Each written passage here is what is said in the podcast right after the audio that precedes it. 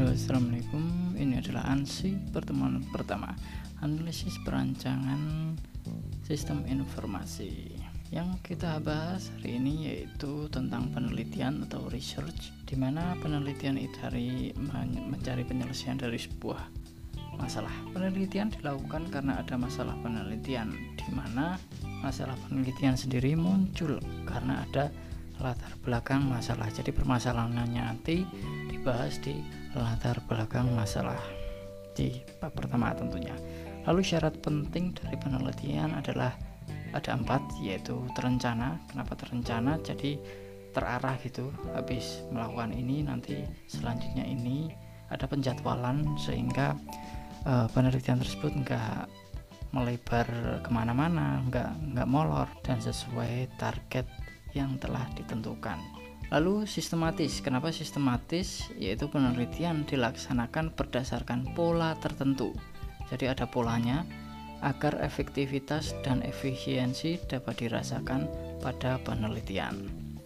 Lalu juga penelitian syarat pentingnya adalah berulang-ulang. Dalam suatu penelitian itu diuji berulang-ulang agar data yang dihasilkan valid umpamanya kita melakukan percobaan satu akan lebih valid jika diuji beberapa kali dulu lalu hasilnya akan menghasilkan data yang valid. Lalu selanjutnya adalah terukur. Terukur di sini maksudnya yaitu menggunakan satuan tertentu ya. Jadi bukan kok um, umpamanya sistem ini sudah sangat baik loh, sudah sangat baik ini uh, gimana ngukurnya uh, menurut siapa sistem ini udah umpamanya kalau kita penelitian tentang sistem ya sistem ini aplikasi ini udah sangat efektif efektif menurut siapa? Efektif uh, pengukuran efektifnya gimana? Jadi semua itu harus terukur. Lalu komparasi penelitian uh, antara D3 atau D4, S1 dan juga S2 dan S3 kalau D3 itu uh, lebih ditekankan untuk menguasai skill teknisnya. Jadi skill skill prakteknya lebih ditekankan. Sedangkan kalau S1 nanti ada pengujiannya jadi ada pengujian teori dan tentunya ada software developmentnya. Lalu kalau S2 sih uh, ada pengembangan teori, ada kontribusi uh, dalam teori yang sudah ada sebelumnya. Uh, anda semua kan masih D3 jadi yang penting skill teknisnya. Lalu latar belakang masalah penelitian. Peran latar belakang masalah yaitu perlunya dan pentingnya dilakukan penelitian dalam bidang yang bersangkutan. Jadi penting dan perlu dilakukan penelitian dalam bidang tersebut baik ditinjau dari sudut teoritis maupun praktis. Jadi umpamanya uh, penelitian ini perlu nih uh, untuk menyelesaikan masalah dalam uh, struktur organisasi tertentu mungkin atau ada kelemahan di jadi ada kinerjanya dari sebuah organisasi tertentu ada yang lemah mungkin bisa kita tingkatkan kita teliti dulu tentunya apa masalahnya dan kita bisa memberikan solusi uh, teknisnya. Berdasarkan uh, teori yang ada yang kita pelajari. Lalu yang kedua adalah peran latar belakang masalah yaitu memberikan penjelasan kepada pembaca tentang kondisi objek penelitian yang diteliti. Disertai situasi atau keadaan dari masalah yang sedang diteliti jadi nanti kita ada penjelasannya untuk pembaca kita uh, yang harapannya mungkin nanti pembaca kan bisa mengembangkan lagi penelitian kita uh, mau mau diterapkan di organisasi yang lain untuk menyelesaikan masalah untuk pembaca kita tersebut pembaca penelitian kita tersebut. Pentingnya penelitian dapat disebabkan karena adanya sesuatu, sesuatu hal. Jadi uh, ngapain kok melakukan penelitian? Uh, yaitu ada fenomena tertentu yang menunjukkan adanya celah atau gap antara fenomena yang terjadi dengan yang diharapkan dalam bisnis, masyarakat industri, atau negara yang menarik perhatian peneliti. Jadi dari fenomena-fenomena yang ada, kita bisa mm, melakukan penelitian di sana. Karena mungkin ini dari ditinjau dari teori tertentu uh, menarik untuk di, dapat diterapkan di bisnis atau industri mungkin makanya kita harus melakukan penelitian lalu ada celah atau gap hasil penelitian menunjukkan adanya perbedaan hasil-hasil penelitian yang dilakukan peneliti tertentu dengan peneliti. Jadi ada ada umpamanya penelitian A dengan penelitian B kok hasilnya beda padahal penelitiannya uh, hasil eh, yang dilakukan sama tapi hasilnya kok berbeda. Dari sana kita bisa teliti lagi, teliti lagi celahnya dan kita bisa uh, melakukan kesimpulan kita sendiri melakukan penelitian tersebut. Lalu ada juga celah teori yang menunjukkan adanya perbedaan pandangan teori antara ahli tertentu dengan ahli lainnya. Jadi ya itulah uh, pentingnya penelitian untuk menyelesaikan hal-hal kayak gitu. Umpamanya, upamanya ada fenomena baru, eh, fenomena tertentu juga bisa di masyarakat, lalu kita bisa melakukan penelitian di sana. Uh, atau juga yang kedua adalah ada perbedaan hasil penelitian dari peneliti satu dan peneliti yang lain yang mungkin kita bisa melakukan penelitian di, dari dua penelitian tersebut dan menghasilkan uh, kesimpulan yang berbeda juga. Lalu juga teori eh, adanya celah teori yang menunjukkan adanya perbedaan pandangan teori. Jadi ada teori satu, teori dua, uh, kok beda nih kita uji atau kita teliti di sana.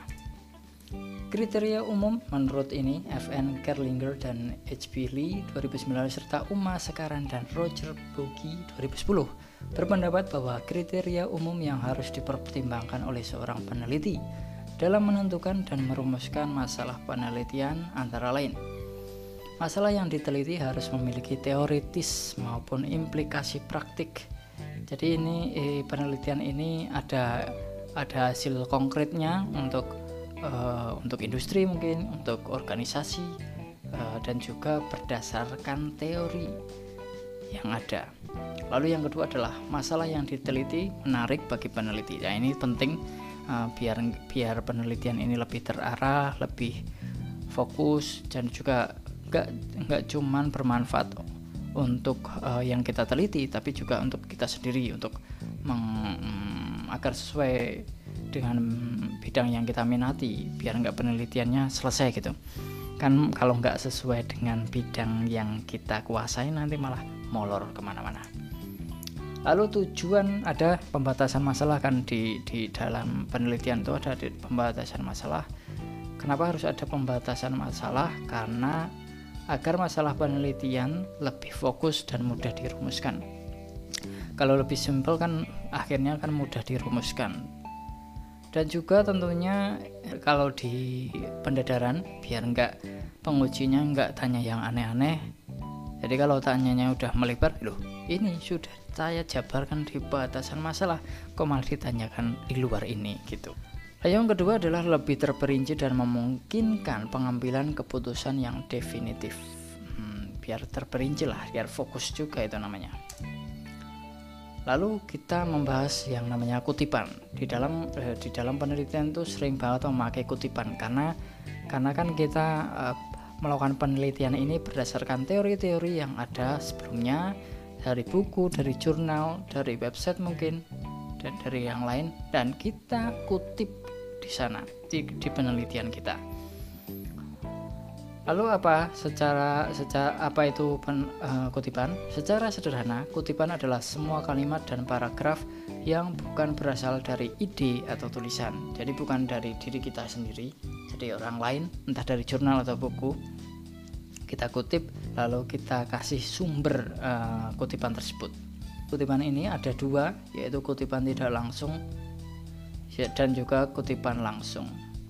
Kutipan tidak langsung yaitu penulis mengambil ide orang lain kemudian, kemudian merangkainya dengan kalimat sendiri. Nah, ini tidak langsung. Lalu ada juga kutipan langsung yaitu menulis ulang. Jadi kalau di buku nulis uh, eh, ABCD, ya kita tulis ABCD di penelitian kita. Lalu ngapain uh, kita melakukan uh, penulisan kutipan? Yang pertama tujuannya adalah agar terhindar dari tuduhan penciplakan atau plagiarisme. Jadi kalau bahayanya kan ini kalau penelitian tuh uh, sering sering plagiat itu. Dan solusi dari plagiat adalah mengutip itu. Jadi kita meng mengambil sumber sumber teori ini dari ini gitu. Dan juga yang kedua adalah menghargai penulis sebelumnya. Jadi kita menghargai, mengasih kredit kepada hmm, penulis tersebut penulis ya atau yang yang memiliki teori yang kita kutip tersebut. Yang ketiga adalah membantu pembaca yang ingin tahu lebih dalam mengenai sumber kutipan. Jadi umpamanya kalau kita membahas teori tertentu dan kita mengutipnya untuk menjelaskan sebuah fenomena di penelitian kita, ada pembaca yang pengen tahu lebih ya biar dia bisa baca langsung dari sumbernya langsung lebih komplit. Itu dia. Apa? Lalu yang dipakai adalah APA style singkatannya adalah American Psychological Association ini yang sering dipakai nah, kutipan langsung ya ini kutipan di dalam sebuah paragraf ini biasanya ini nama Galih umpamanya penulisnya Galih yaitu lalu tahun pembuatan si jurnal atau sumber yang kita ambil itu dan juga halamannya. Halaman. Ini kalau mau dikutip semua uh, kita nggak usah pakai halaman juga bisa nggak apa-apa. Jadi kali koma 2018 atau penulis koma tahun pembuatan jurnal atau buku tersebut. Lalu ini kan kutipan. Lalu ada penulisan dari daftar pustaka. Penulisannya gimana? Di daftar pustaka uh, pertama adalah penulis dulu. Kalau kan kita sumbernya dari Amerika ya APA style gitu tadi di mana mereka itu sering di mana standarnya itu uh, nama belakang ditaruh di depan. Jadi kita balik nih. Nama saya kan ada tiga ya Kalistiawan Nurrohim berarti namanya dibalik yaitu Nurrohim, GS GS gitu.